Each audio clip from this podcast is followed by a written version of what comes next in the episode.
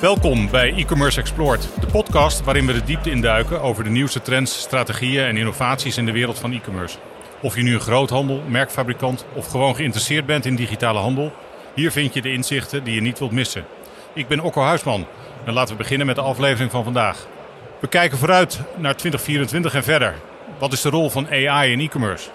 We staan hier vandaag op de webwinkel Vakdagen in de Jaarbeurs Utrecht. En tegenover mij zitten Henry Bol en Sander Bast. Wellicht wat rumoer op de achtergrond. dat is uh, nieuws, maar leuk om dit op deze manier te doen. Uh, zeker. Henry, kun jij jezelf uh, kort voorstellen? Ja, zeker. Henry Bol. Eigenlijk drie woorden: e-commerce, AI en Blue Walnut.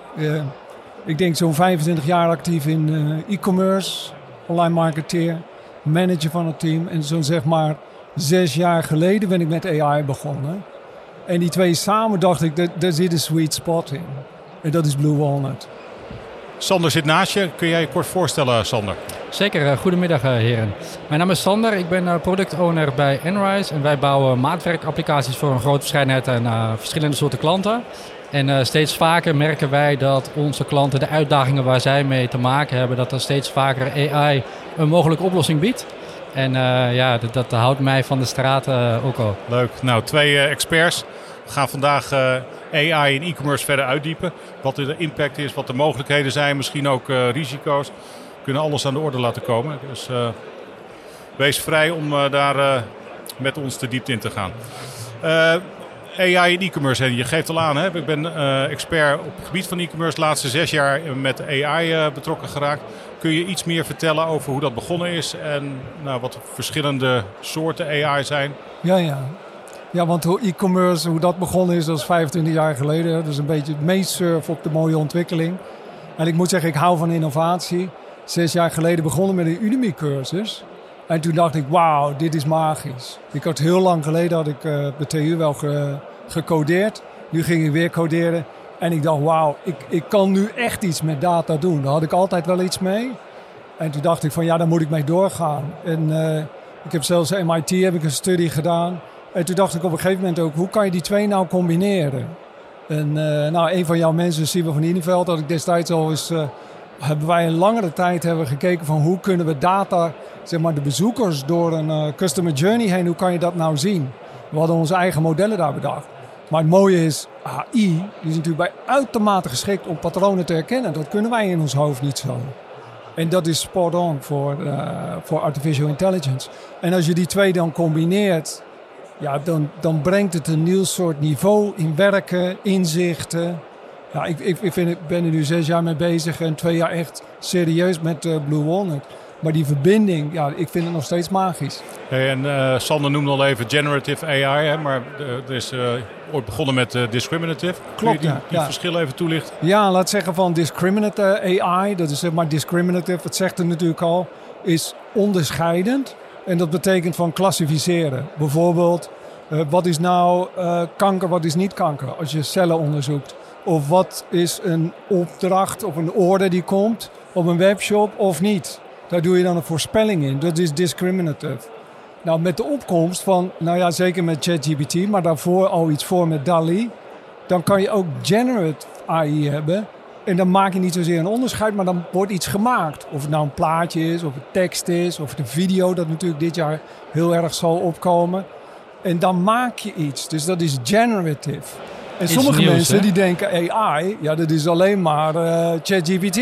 Dat is generative. Maar die discriminative part is nog steeds heel erg belangrijk. En, en uh, Henry, ik ben ik wel benieuwd. Ik ben Ja. zelf wat minder lang betrokken echt met AI. Ik heb natuurlijk wel ziet overal om je heen, zelfs hier in ouders en ziekenhuizen hoort er overal van. Ja. Maar dat het nu op zulke grote schaal toegankelijk is voor gewoon de normale consument. En ik ben zelf een beetje een ondernemend type, dus ik zie opeens duizenden nieuwe oplossingen, mogelijkheden. Hoe heb jij de laatste eh, periode ervaren?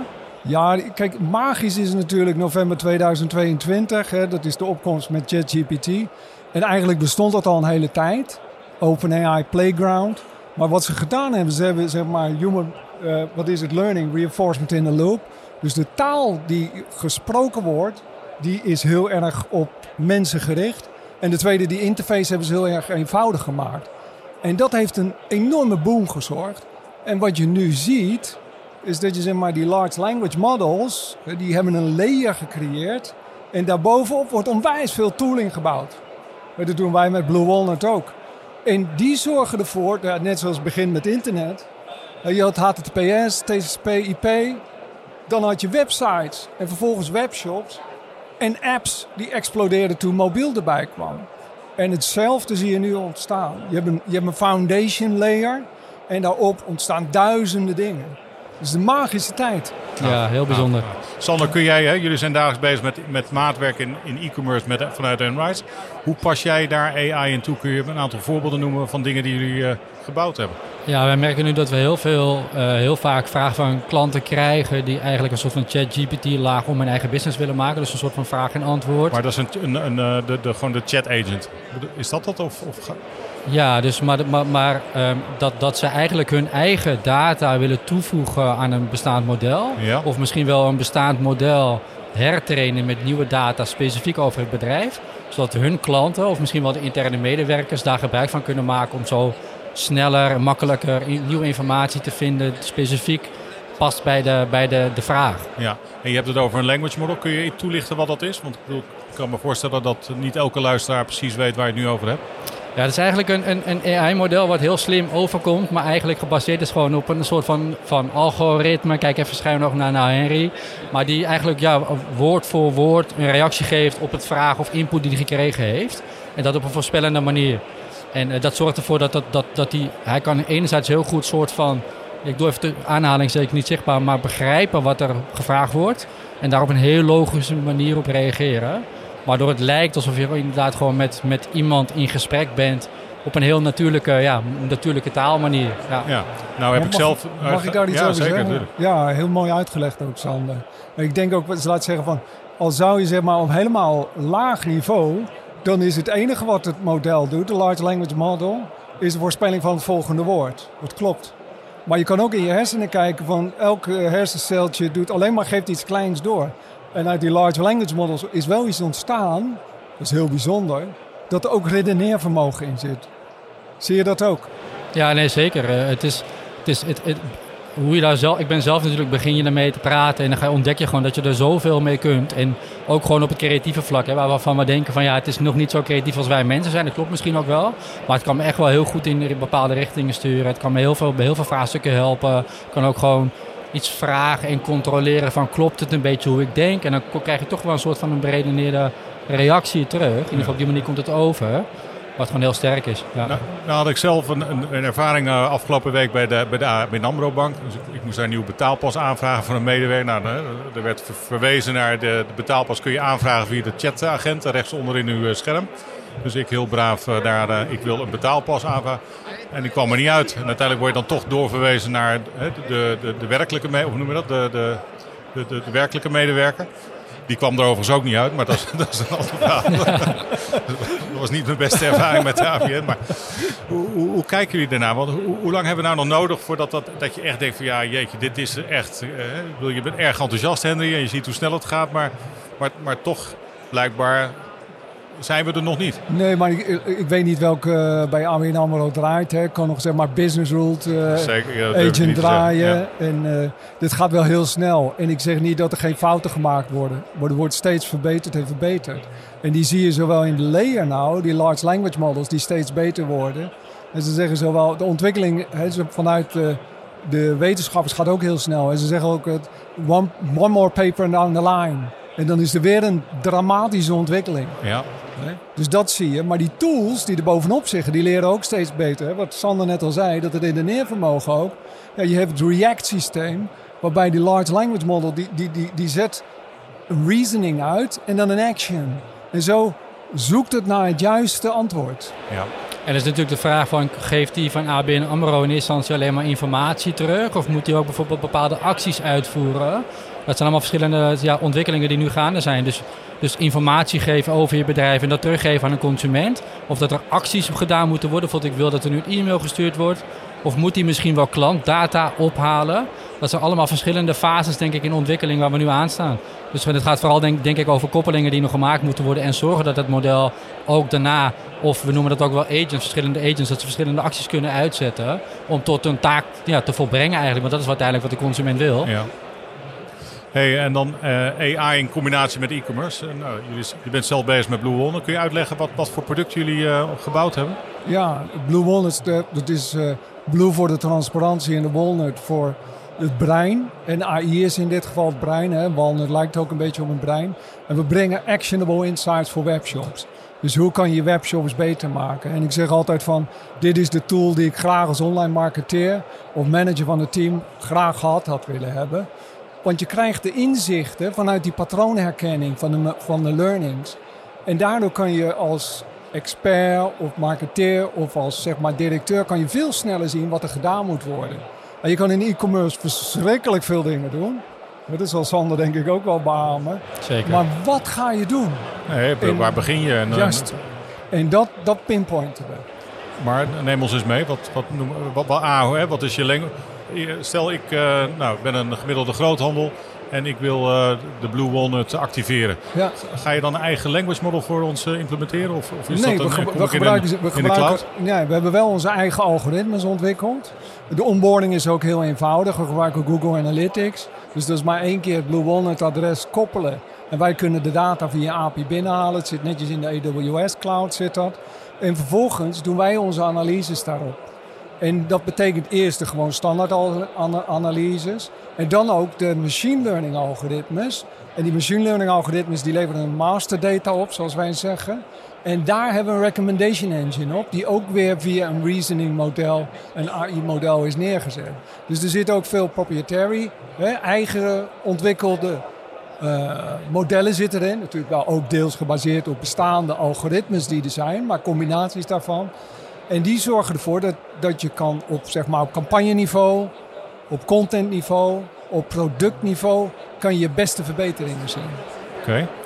En uh, Sander, neem ons eens mee in, in daadwerkelijke resultaten die jullie door het toepassen van AI bereikt hebben voor je klanten. Ja. Of, of Henry of Sander. Maar... Ja, nou, wij zijn bijvoorbeeld nu de, de, met, een, met een makelaar, de makelaar aan het uitfaseren, zoals zij dat zelf ook zeggen. Dus je hebt gewoon een soort van digitale makelaar die toegang heeft tot de veel, ja, tot de vragen die consumenten hebben over de woningen, over de processen. Maar over de dan heb je de Funda-data ontsloten. Is dat wat je gedaan nee, hebt? Nee, dit is nu specifiek nog specifiek de makelaar, dus de rol van de makelaar. En met een andere partij zijn we wel bezig om te kijken van hoe kunnen wij laten we zeggen, woningen die te koop staan naar de consument brengen. Dus wat veelal nu op een funda wijze gebeurt, is dat je door woningen heen kunt filteren. Hè? Dus je kunt gaan sorteren. Ja, precies. Maar wat nou als we alle data toegankelijk maken in een conversational AI en ik kan gewoon vragen, ik wil in Amersfoort wonen met een, met een tuin op het zuiden. Ja, dat is mijn budget. stad van, van Europa, geloof ik. Ja, precies. Dus als ik dan vraag, ik wil in de mooiste stad van Europa wonen, dat die dan automatisch al alle woningen van Amersfoort laat zien. En misschien de volgende stap is dat we daarin dan kunnen filteren. Hè? Maar dat je de eerste ja, laagje interface of de eerste manier van zoeken, en dat gaat denk ik voor heel e-commerce gelden, dat gaat gewoon een verandering er gaat een verandering ontstaan. En ik weet nog niet precies hoe, maar, maar ik, ik geloof dat daar heel veel eh, kansen liggen en mogelijkheden.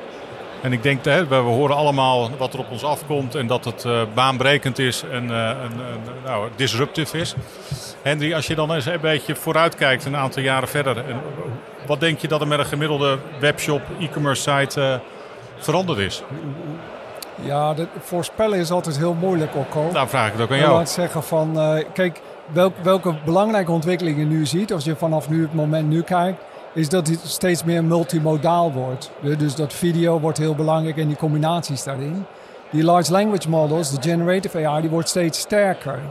En je ziet dat die tools zich gaan ontwikkelen. Dus, dus, dus er is een enorme ontwikkeling, versnelling is er. Dan gaat het om de bedrijven zelf, de B2B bedrijven, gaan die mee of niet? Gaan de webshops mee? Leren ze al of niet? Want ook binnen bedrijven moet er heel erg geleerd worden om dit soort tooling te gebruiken. En dat wordt beslissend. Dus je zal denk ik in 2024 op die drie vlakken de versnelling zien. Ik denk dat je volgend jaar, 2025, zou je daar echt de disruptive in zien. Er zijn bedrijven die al meegegaan zijn, die geleerd hebben. Want je hebt ook binnen, binnen bedrijven zelf een soort inertie. Hè? Mensen willen niet allemaal mee. Klopt. mensen die Excel geleerd hebben al uh, 25 jaar lang, gaan die nog iets van Python leren of een nieuwe tooling? En dat, dat is ook een belangrijke drempel naar succes toe. En dan zie je ook nog eens een keer zeg maar, in e-commerce zelf, maar dat is een strijd die al langere tijd plaatsvindt. gaan marketplaces, hè, marketplaces of iets anders, gaan die een belangrijkere rol nog spelen. Je ziet er allerlei manieren op. Ja, en misschien ontstaat er wel iets, hè? net zoals Facebook is het ook zomaar ontstaan. Google is natuurlijk ook ontstaan uh, begin deze eeuw. Ontstaat er een nieuw iets, een nieuw podium, waarin die combinatie en die consument het veel makkelijker heeft om boom, pats te maken. Dat zou ja, dus dat is inderdaad aan de voorkant van de website. Hè. Dus het gaat denk ik vooral personalisatie. Van ik kom op een website en wat is voor mij belangrijk? Wat wil ik daar doen dat ik dat snel, makkelijk op een manier die ik zelf fijn vind. Dat kan inderdaad met stem, spraak, video, beeld, allemaal oplossingen die kunnen komen. En de andere kant volgens mij aan de proceskant. Hè. Dus hoe zorg ik ervoor dat mijn shop optimaal functioneert en werkt. En ook daar gaat AI natuurlijk een hele grote rol spelen. En ik denk ook, zeg maar, die, die tooling, zeg maar, hè, want je hebt de consumentenkant, maar vergeet ook niet de clientkant. Dus de, de, de webshop owner, aan die kant gaat steeds meer tooling ontstaan om die mensen, die experts, beter te laten werken. Nou ja, uh, CloudSeed is bezig met uh, het automatisch kunnen verrijken van je productcontent, het herschrijven van je CMS-teksten, het vertalen van je, van je content. Het zijn natuurlijk dingen waar het, het heel snel op ingezet kan worden. Heel goed voorbeeld. Ja. Maar goed, het zijn relatief laagdrempelige dingen. En kijk, de vraag is toch van ja, gaat die webshop interface, blijft die nou, is die nou over vijf jaar nog steeds op deze manier met een home, search, listpage, detailpage, checkout? Of, of gaan daar dingen toch totaal anders in, denk je? Ja, ik draai natuurlijk al zeg maar, sinds begintijd echt van internet mee. Hè. Daar ben ik ook grijs en uh, sinds AI ook kaal mee geworden. Maar uh, laat zeggen van, daar heb je natuurlijk ook je stappen gezien die erin plaatsvinden. Filters zijn heel belangrijk geworden, search is heel belangrijk. Ik denk wel dat je, dat je dit jaar ziet dat steeds meer van zoeken naar vinden komt. En die, die, die Q&A, die chatbots, die gaan het mensen gemakkelijker maken, bezoekers. Dat wordt wel een hele belangrijke doorbraak. En, en zie jij dan dat AI een soort van overkoepelende rol over het internet gaan spelen? Of zeg je van nee, het zal toch echt wel binnen een, een, een Nee, denk ik wil, ik wil Sander, uh... Sander zijn mening ook even horen. Maar kijk, ik zie AI als een uh, enabler. Het is een toolkit. Het is net zoiets als, uh, als, als ja, je zou bijna kunnen zeggen als het internet. Het internet is zelf ook niks. Maar die is een enabler dat er heel veel websites en webshops zijn ontstaan. En AI is ook een toolbox, een veel beter gereedschap.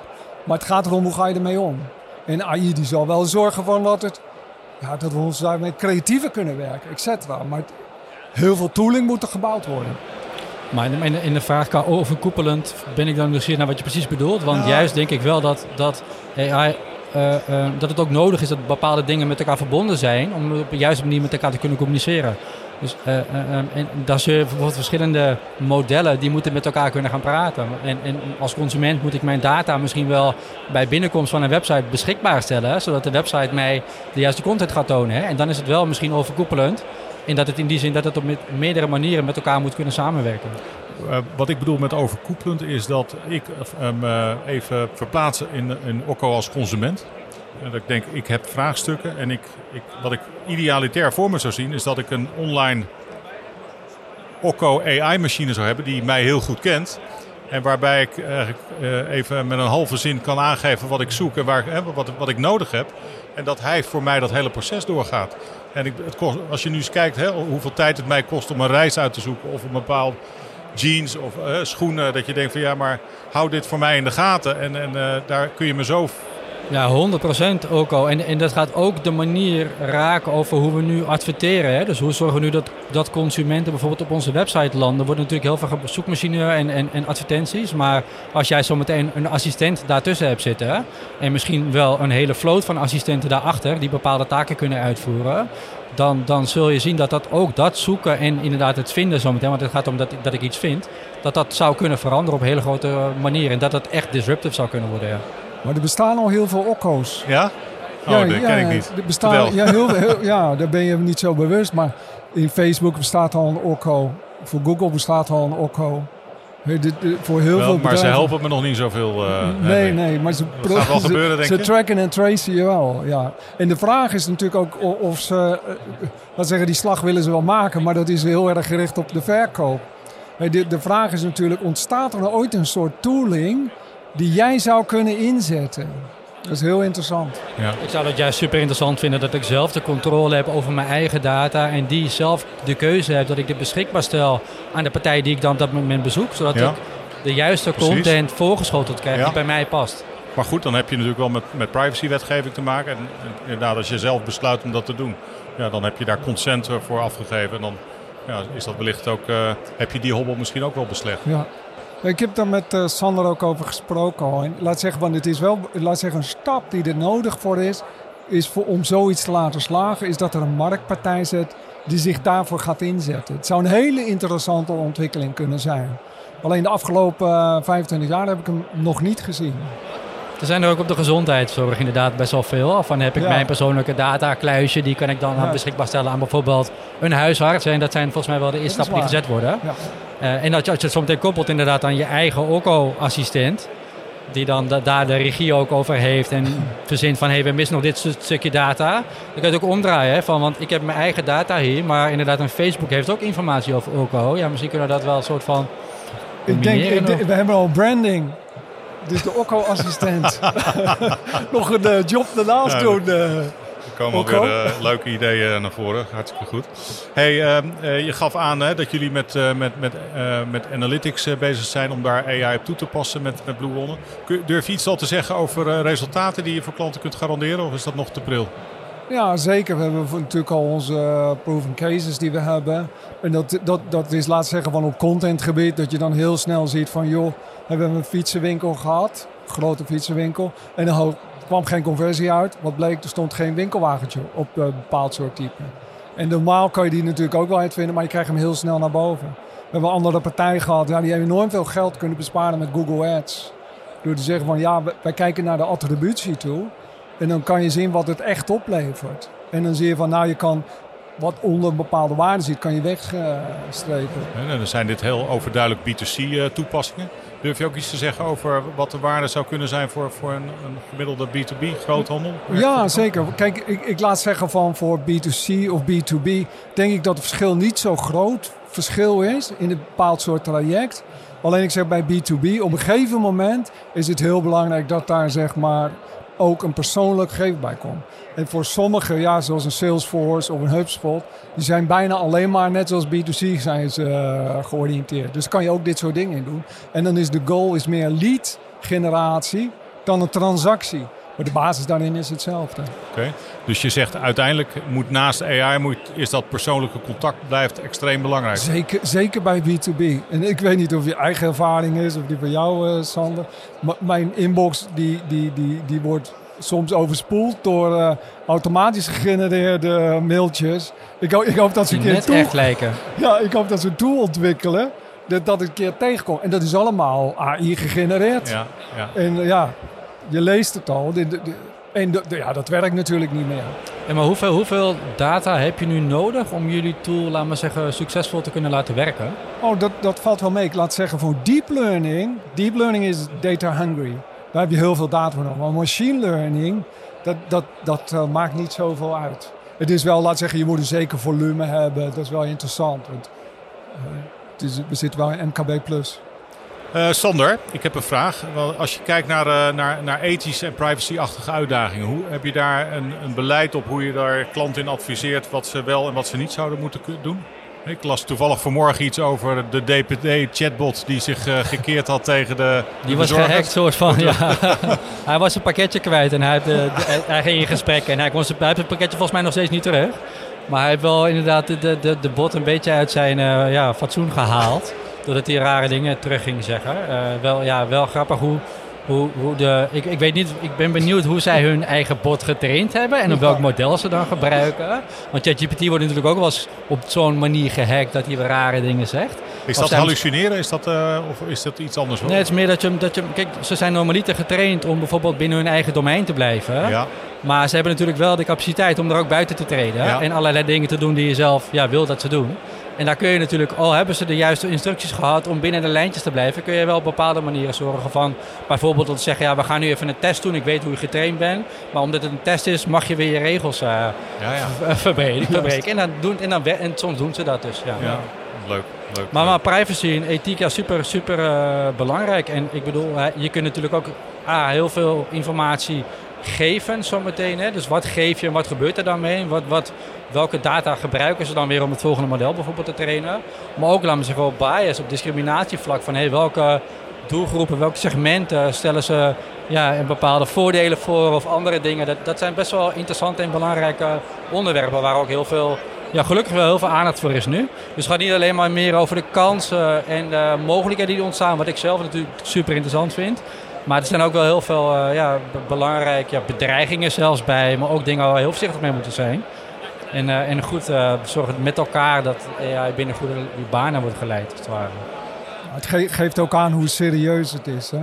We zouden niet politici en allerlei andere maatschappelijke Verenigde Naties, noem maar op, de EU zich ermee bezighouden. Zou niet belangrijk zijn. Maar het is het is echt spot on. Toevallig kwam volgens mij vorige week een Kamerbrief van de Nederlandse overheid uit. Ook dat. Een jaar op gewacht, maar wel goed dat ze er een soort van uh, mee bezig zijn en serieus ja. actie willen ondernemen. Ja, tuurlijk. Maar zijn overheden in staat om dit, dit, dit te keren, om daar, om daar voldoende invloed op te, te Ik denk dat de ontwikkelingen gaan, super, de ontwikkelingen gaan eigenlijk veel te snel om alles goed bij te benen. Dus we moeten gewoon in hoofdlijnen zorgen dat er, laten we zeggen, de regels ja, op orde zijn om wel binnen de lijntjes te kunnen blijven kleuren. En uh, hopelijk op bepaalde vlakken snel mee te kunnen schakelen. Maar dat zal voor een overheid altijd heel lastig zijn, zeker met hoe snel dit nu gaat. Ja, maar je ziet aan de andere kant toch, hè, die EU-regulering, die wordt ook in de rest van de wereld wordt die wel gevolgd. Dus ze mogen achterlopen, hè, dat is ook logisch. En daar hebben sommige partijen natuurlijk ook een enorme uh, voorsprong gekregen. Maar je ziet dat het wel weer gereguleerd wordt. Ik vind dat toch wel knap dat er gedaan wordt. Heren, we moeten richting een afronding. Wat ik uh, een hele belangrijke vraag vind, en ik kan me voorstellen dat die de luisteraar ook bezighoudt, is van wanneer moet ik nu starten met AI? Dus ik ben een traditionele groothandel. Uh, ik ben al lang blij dat ik een, überhaupt een, mijn e-commerce en mijn webshops op orde heb. Dat mijn productcontent staat, dat mijn ERP goed draait. Mijn klanten online hun spullen en hun informatie kunnen vinden. Wat moet ik nu gaan starten? We hadden eh, Rian Faaien in een vorige aflevering en die was uh, overtuigd dat alle trends en AI disruptief ook de groothandel gaan veranderen. En sneller dan we denken. En zij zetten daar volop in. Ze zijn bezig met bezorgen via drones. ze zetten AI in voor productcontent. En ze zijn op allerlei manieren met, met kleine initiatieven bezig om maar daarvan te leren. Hoe, kijken jullie daarnaar? Moet ik nou even wachten en denken van nou laat, laat die anderen maar even dat leergeld betalen? Of moet je gewoon toch morgen aan de slag of vandaag? Ja, ik zeg altijd van nu gaan leren. Dat is zo belangrijk. Dat gaf ik al aan, hè? 2024. En die ontwikkelingen gaan ook zo snel dat als je niet al je, je eigen bedrijf meekrijgt. Vergeet niet dat die mensen een verandering in gedrag moeten gaan plaatsvinden. En, en daar moet je al in gaan leren. Dus ik vind wat Rian in de podcast aangaf, vond ik ook heel erg interessant. Al die initiatieven, ook start-ups eromheen gebruiken die de intelligentie hebben. En dan maak je dat je meegaat. En natuurlijk moet je daarbij ook wel zeggen van... Nou, misschien zijn mijn verwachtingen te groot. Dus je moet ook kleine successen maken. En zoals Rian het ook zei, je moet ook leren fouten te maken. Dat was een belangrijk state van hem. En dan maak je stap voor stap, ga je groeien. Als je dat niet doet, wat ik net al aangaf, 2025 krijg je disruptie. Dan ben je te laat. Sander, hoe kijken jullie daarna? Ja, volgens mij gaat het, als je AI gaat toepassen, gaat het om een aantal dingen. Dat is dat je het leuker wil, beter wil, makkelijker wil, sneller wil. En volgens mij meer waarde leveren voor je klant en eindgebruikers. En daarmee misschien wel heel cliché de wereld. Dat is waar AI kan bijdragen. En volgens mij is het juist inderdaad, je noemt het net kleine initiatieven. Super cruciaal als je niet gestart bent. Ga gewoon goed nadenken van, hé, hey, waar zou AI nu waarde kunnen leveren? Gooi dat desnoods in een proof of concept om te zien van, werkt het? Welke waarde levert het ook op? En bouw daar verder op, op voort. Want wat je daar verdient kun je volgens mij dan weer herinvesteren in, in, in nieuwe dingen. En uh, volgens mij zal je zien bij elk stapje die je neemt dat je gewoon een stapje naar voren gaat.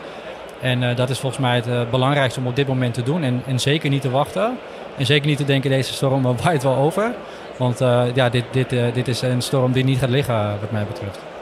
Wat zeg jij daar? wat is jouw verwachting? Uh, ik denk dat wij uh, uh, verrast gaan worden over hoe snel dit gaat.